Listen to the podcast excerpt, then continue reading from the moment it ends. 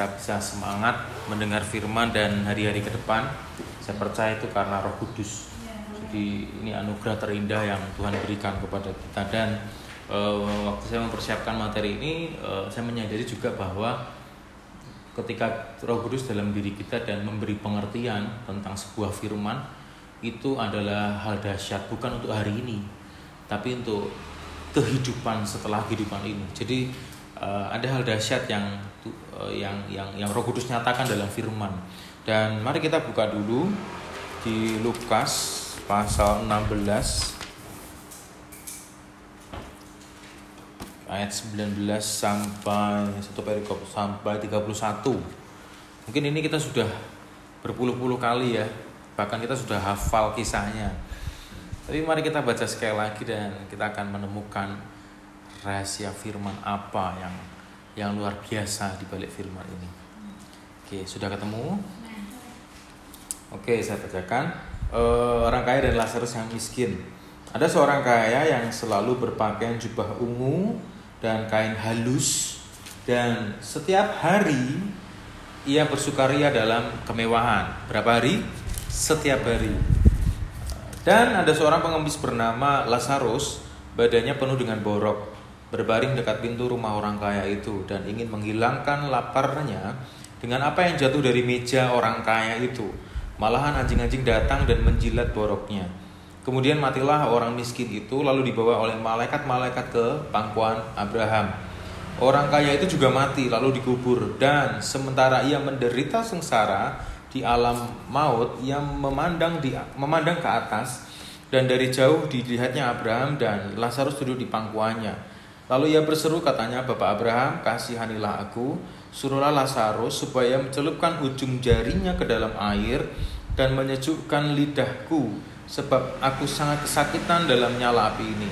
Tetapi Abraham berkata, Anak ingatlah bahwa engkau telah menerima segala yang baik sewaktu hidupmu, sedangkan Lazarus segala yang buruk. Sekarang ia mendapat hiburan dan engkau sangat menderita. Selain daripada itu di antara kami dan engkau terbentang jurang yang tak terseberangi. Supaya mereka yang mau pergi dari sini kepadamu ataupun mereka yang mau datang dari situ kepada kami tidak dapat menyeberang.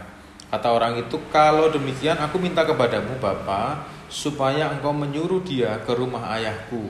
Sebab masih ada lima orang saudara-saudaraku, eh, lima orang saudaraku, supaya ia memperingati mereka dengan sungguh-sungguh, agar mereka jangan masuk kelak ke dalam tempat penderitaan ini. Tetapi kata Abraham, ada ada pada mereka kesaksian Musa dan para nabi. Jadi kesaksian siapa nih? Musa ya dan para nabi Baiklah mereka mendengarkan kesaksian itu. Jawab orang itu, tidak Bapak Abraham. Tetapi jika ada seorang yang datang dari antara orang mati kepada mereka, mereka akan bertobat. Kata Abraham kepada mereka, jika mereka tidak mendengarkan kesaksian Musa dan para nabi, mereka tidak juga akan mau diyakinkan sekalipun oleh seorang yang bangkit di antara orang mati. Nah, mari kita perhatikan Bapak Ibu, saya akan mulai membahas dari kisahnya ini dulu. Kalau kita lihat di ayat 19, kita baca pertama-tama tadi adalah seorang kaya lalu berpakaian jubah ungu dan ada kata selalu. Itu artinya kemungkinan bajunya modelnya macam-macam tapi warnanya ungu semua. Dan kita harus tahu bahwa di masa itu orang punya baju warna ungu adalah baju paling mahal karena tidak mudah menghasilkan warna ungu. Jadi kalau kita baca di kisahnya Paulus, dia ketemu dengan seorang perempuan pengusaha kain ungu. Nah, itu adalah itu adalah hal yang yang yang mendapatkan budi-budi uang banyak. Intinya itu orang kaya banget lah. Dan dijelaskan bahwa di ayat 19 ini dan setiap hari ia bersukaria di dalam kemewahan. Kalau dalam bahasa Inggris itu luxury luxurious. Jadi memang tidak tahu ya bentuk kesukarianya seperti apa, kemewahannya seperti apa. Dan kalau kita lihat ada pembandingnya yaitu Lazarus. Pengemis, badannya berborok. Nah, pertanyaan terbesarnya adalah apakah orang miskin selalu masuk surga dan orang kaya masuk neraka? Apakah pertanyaan itu dan jawabannya ya dan tidak menurut saya bukan. Kalau kita lihat di pasal yang utuh Itu pasal 16. Kalau kita lihat ada judul yaitu apa? Perumpamaan tentang apa? Bendahara yang tidak jujur. Dan ayat 9, pasal 16 ayat 9 dijelaskan dan aku berkata kepadamu, ikatlah persahabatan dengan apa? Mempergunakan mamon yang tidak jujur supaya jika mamon itu tidak dapat menolong lagi kamu diterima di dalam kemah abadi. Jadi kesalahan orang kaya ini adalah tidak bisa mempergunakan mamon untuk kehidupan dia yang akan datang, yaitu kehidupan setelah kematian. Sedangkan siapa Lazarus? Kalau kita lihat, perhatikan, orang kaya ini tidak disebutkan namanya. Artinya tidak dikenal. Sedangkan Lazarus disebutkan namanya. Yesus memberitahukan tentang cerita ini, dia tahu siapa Lazarus. Tapi memang tidak dijelaskan apakah dia anak Abraham, perbuatannya bagaimana, itu dia pengemis, dia berborong, dia kasihan dan diperlihatkan bahwa orang kaya ini tidak bisa mempergunakan hartanya. Dia hanya melakukan yang luxurious, yang mewah-mewah itu setiap hari. Menggunakan kain ungu setiap hari. Mungkin kalau hari-hari ini disebutnya jemawa ya. Eh, kayak OKB OKB orang kaya baru. Ya, itu mungkin sesuatu semua semua dibeli semua semua dipakai yang bagus dipakai jalan ke Indomaret pakai gaun yang mahal mungkin ya. Kepengen tenar. Nah uh, kalau kita lihat hal ini adalah kesalahan terbesar sebenarnya Tuhan mau memberitahukan lewat pesan ini adalah uh, semampu-mampunya kita pergunakan mamon itu dengan bijaksana. Saya jadi teringat dengan Yairus uh, seorang yang yang yang suka memberi duitnya untuk untuk rumah Tuhan sehingga waktu uh, anaknya sakit kalau nggak salah uh, orang bilang begini Tuhan Tuhan toh bantulah Yairus tuh. Lalu ada tambahannya lagi dia sudah banyak memberi untuk rumah Tuhan tiba-tiba Yesus langsung berpaling nah bagaimana Yairus menjadi contoh uh, dia mempergunakan uang uangnya atau mamonya itu untuk kepentingan Tuhan dan hari ini mari kita merefleksikan diri kita. Mungkin kita bilang begini, loh hari-hari ini tuh pandemi, saya tidak punya banyak uang gitu. Tetapi kalau kita tahu firman, kerjakan saja Pak. Karena inilah masa-masa uh, apa ya Tuhan bisa melihat kesetiaan kita terhadap kebenaran firman itu. Karena kalau kita baca dari uh, Lukas pasal 16 yang ayat yang ke 27 eh, mulai 27 coba kita perhatikan satu-satu. Uh, kita lompat dulu ayat 20 sebentar uh, sebentar sebentar. 26 ya selain selain daripada itu di antara kami dan engkau terbentang jurang yang tak terseberangi. Ini yang dimaksud adalah jurang maut. Dan di mana letak letak orang kaya ini? Di dalam neraka dia ada di dalam Hades. Kalau kita baca Alkitab ini namanya Hades. Ya, eh, ada namanya Hades, ada namanya Tartarus.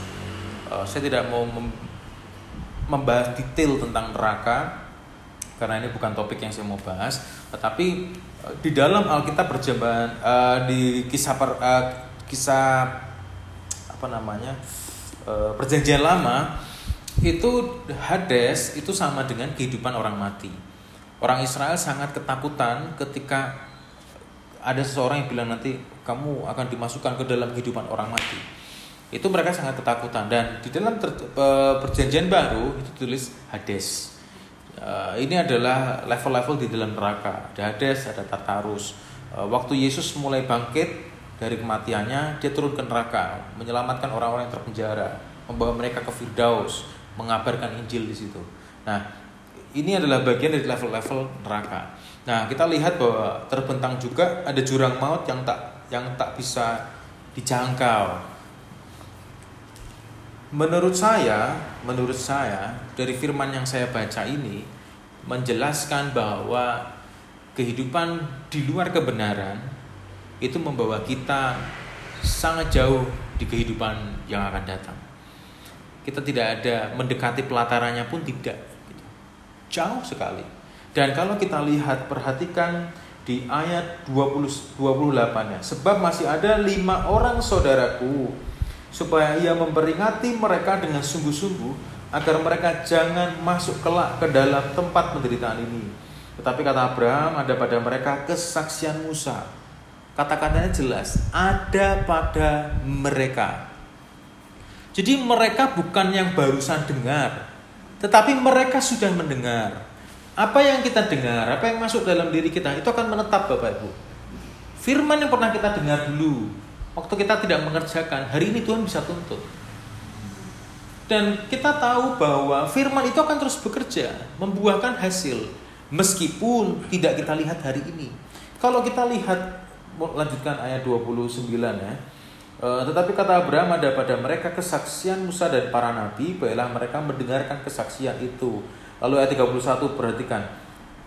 Jika mereka tidak mendengarkan kesaksian Musa dan para nabi, mereka juga, mereka tidak juga akan mau diyakinkan sekalipun oleh seorang yang bangkit di antara orang mati. Jadi maksudnya kesaksian yang Musa dan para nabi bawa itu mengandung sebuah kehidupan Bapak Ibu. Kalau kita tidak memperhatikan apa yang dibangun oleh orang-orang uh, yang di mana mereka terhubung dalam frekuensi yang tepat dengan Tuhan, padahal mereka membawa kehidupan, kita tidak bisa kita tidak bisa mengabaikan itu, karena ternyata apa yang mereka bawa itu menjadi sebuah jaminan untuk kehidupan kekal kelak. Sampai sini nangkep ya? poinnya.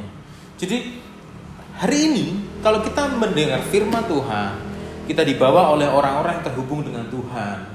Kita mendengar kesaksian mereka, kita bisa menangkap hidup mereka, maka anugerah itu turun dalam hidup kita, Bapak Ibu. Sehingga hidup kita tidak sama dengan orang-orang yang dengan salah mempergunakan mamon, dengan salah mempergunakan kebenaran firman, dengan salah mendengarkan firman dan tidak melakukan. Jadi hidup kita akan berbeda dan ini adalah jaminan untuk kita ada di bagian kehidupan kekal. Hari-hari ini kita kita kita akan terus melihat sampai entah ya, sampai mungkin lembu berdarah-darah atau lembu kurus yang di akhir tahun hmm? lembu sekarat dulu ya kita aduh kita akan terus melihat bagaimana orang sudah dengar firman tapi hidup di kekhawatiran Orang sudah banyak dengar kebenaran, kesaksian lepas kesaksian yang membangun, tetapi masih berporos kepada kebodohan, masih berporos kepada keras kepala, masih berporos kepada ini hidupku. Kenapa kau ikut campur? Karena kalau kita lihat eh, ayat 30 jawab orang itu tidak Bapak Abraham, tetapi jika ada seorang yang datang dari antara orang mati kepada mereka, mereka akan bertobat. Ini harapan orang yang mati karena ternyata apa? Dia menyadari bahwa kesaksian yang dibawa Musa dan nabi-nabi itu benar. Penyesalan selalu ada di akhir.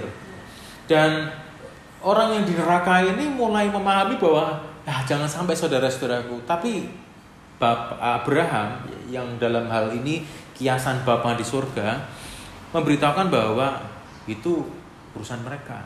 That's a free will. Mereka sudah dengar, mereka mau tunduk, silahkan. Tidak tunduk silahkan. Nah hari-hari ini kita banyak dibangun oleh orang-orang yang terhubung dengan Tuhan. Firman Tuhan. Saya, saya pun juga terbangun oleh saudara-saudara seiman saya yang di Isaac. Terbangun dengan mereka kehidupan mereka gitu. dan saya menyadari bahwa ketika ini menjadi sebuah kebenaran dan ini menjadi kehidupan maka saya tidak ada keraguan untuk saya menangkap itu bahkan menerapkan dalam hidup saya. Karena apa? Ini kebenaran saya pernah sampaikan bahwa kebenaran itu akan muncul di permukaan dan menyelamatkan kita.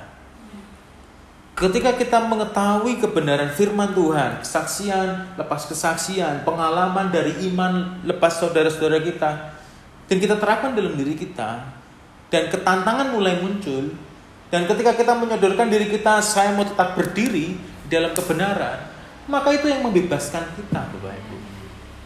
Hari-hari ini banyak orang terpuruk bukan karena mereka tidak mendengar firman. Tetapi mereka tidak percaya akan firman. Mereka banyak dengar firman. Oh, 20 tahun mereka jadi kurang Kristen. Mereka percaya. Mereka dengar, eh, maaf, mereka dengar.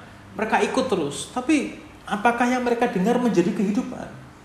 Nah, hari ini kita harus bergegas di situ. Amin. Jangan sampai kita hanya menjadi pendengar. Oh, itu kerugian Bapak Ibu. Itu sama dengan orang kaya ini. Orang kaya ini cuma dengar kesaksiannya Musa. Oh, iya ya, Musa mengeluarkan orang Israel keluar dari Mesir. Nabi-nabi ada Elisa, ada Elia, oh Tuhan dahsyat dan sebagainya. Didengar. Saudara-saudaranya tahu, tahu. Tapi apakah hidup di dalamnya? No. Itulah yang membawa orang kaya ini ada di Hades. Hari ini kita banyak dengar firman. Hari ini daunnya lebat Bapak Ibu. Nah, masalahnya ayo kita berbuah. Ayo kita dorong diri kita, paksa diri kita, minta Roh Kudus. Aku mau kehidupan dari firman itu muncul dalam hidupku. Yang saya maksud kehidupan dari firman itu bukan ketika kita banyak mendengar, tapi banyak praktek. Itulah kehidupan dari firman itu mulai muncul. Benihnya itu mulai bertumbuh. Ego kita sudah mulai mati, benih firman mulai bertumbuh. Karena tidak bisa firman dan ego kita berada di satu level atau di satu tempat. Itulah sebabnya firman Tuhan katakan apa? Perbaharui akal budimu. Pikiran kita, ah inilah ego kita tuh bersarang di pikiran kita Bapak Ibu. Bukan di hati kita. Ego kita, kebebalan kita, itu bersarangnya di pikiran. Waktu pikiran kita shut down, maka firmannya mulai merangsek naik. Pertumbuhan itu mulai muncul. Nah, masa-masa inilah yang menjadi wadah kita untuk membawa apa ya, memaksa diri kita untuk keluar dari cangkang yang lama. Jadi mulai mulai dorong diri kita, munculkan diri kita bahwa saya tidak tidak hanya mau berhenti mendengar seperti orang kaya. Bahkan ketika ada seorang mati yang orang kaya ini bilang izinkan aku itu aku bilang ke mereka. Abraham bilang, "Enggak." Ketika mereka mendengar fir, apa firman yang dibawa Musa, kesaksian itu sudah cukup. Karena apa Bapak Saudara?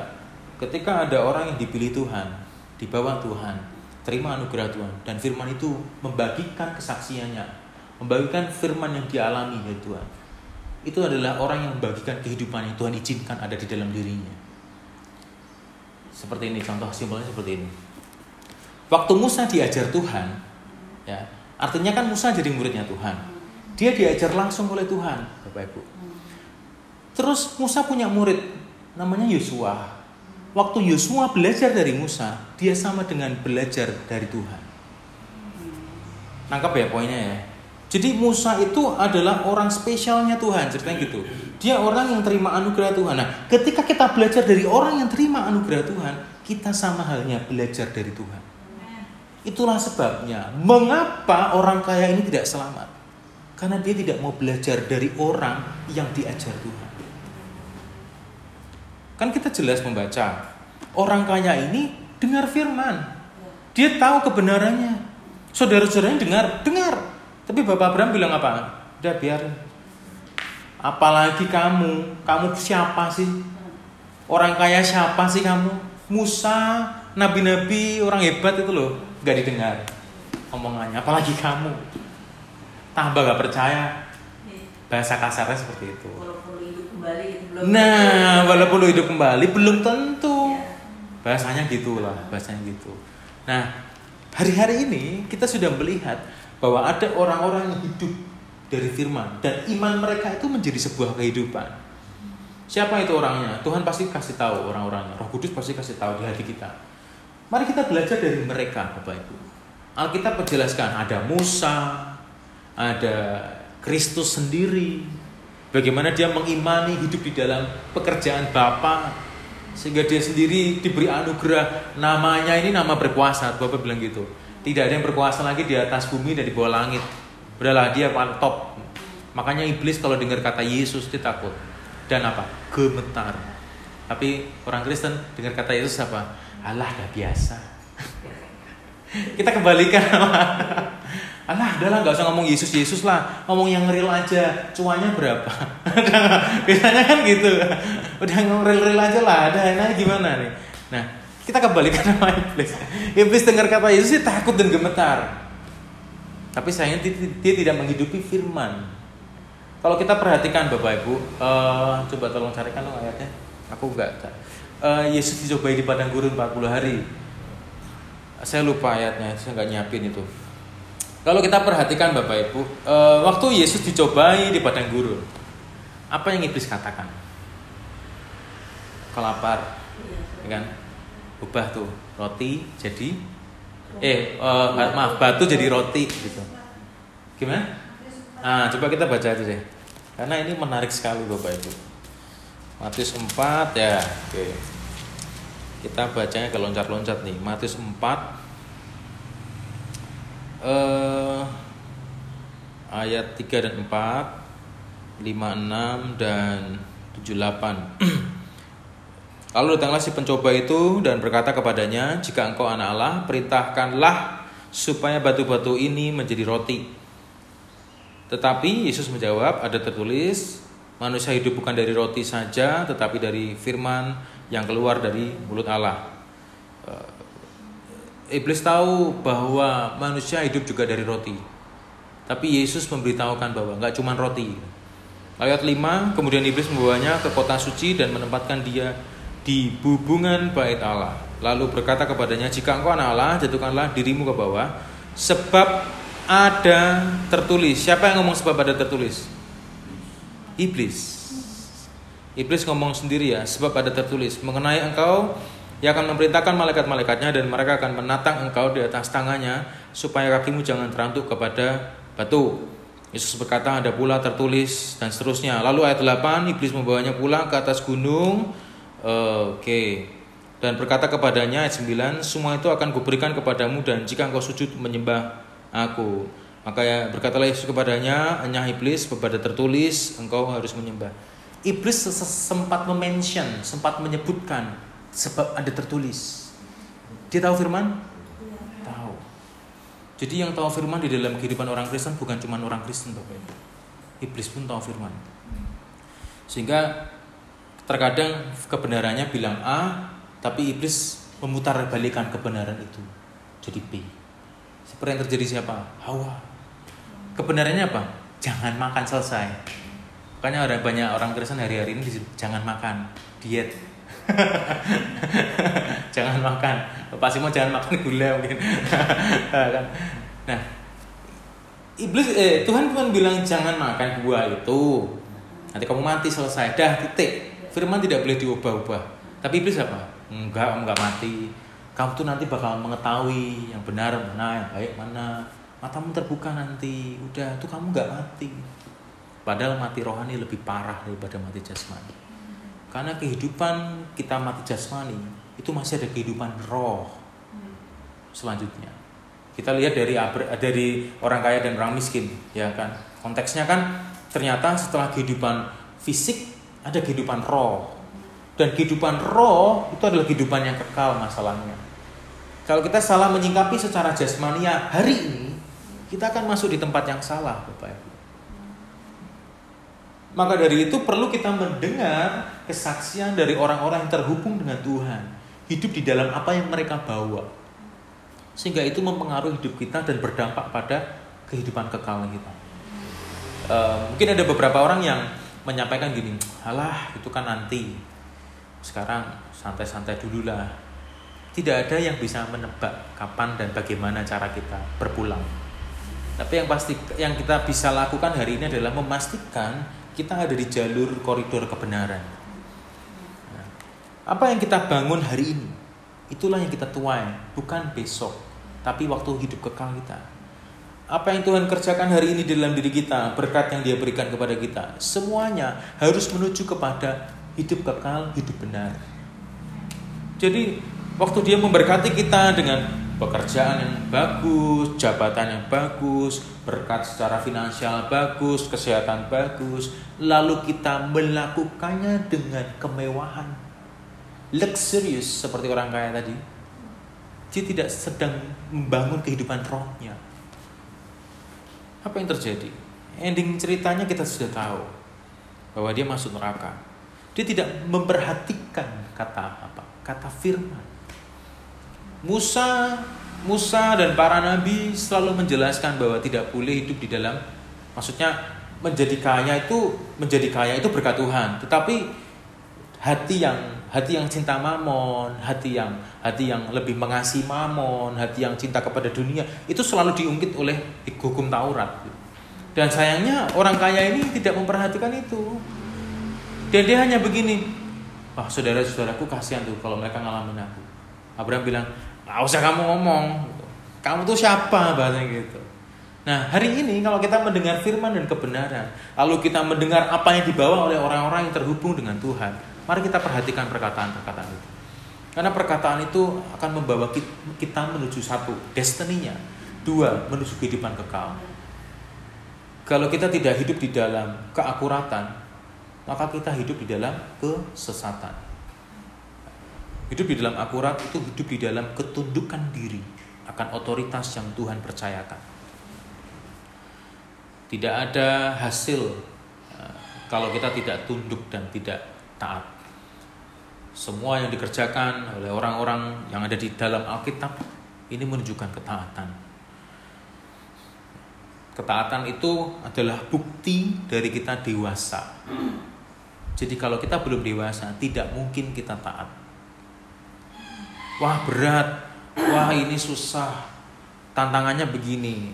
Orang dewasa berani mengambil tantangan?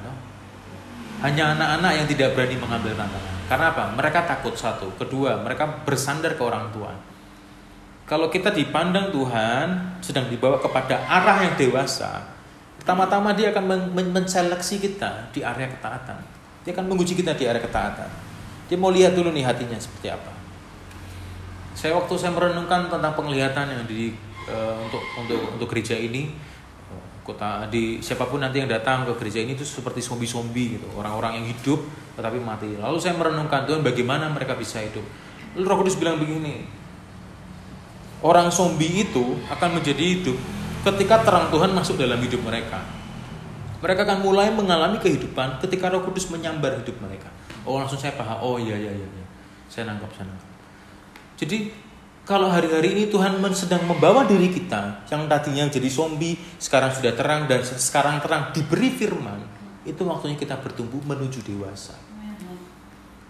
Karena yang karena yang akan melayani itu bukan bukan lagi misalnya kami melayani Pak Simon Bu Erna kami tidak tidak selamanya pas Burna nanti akan jadi partner kami untuk melayani yang lain juga.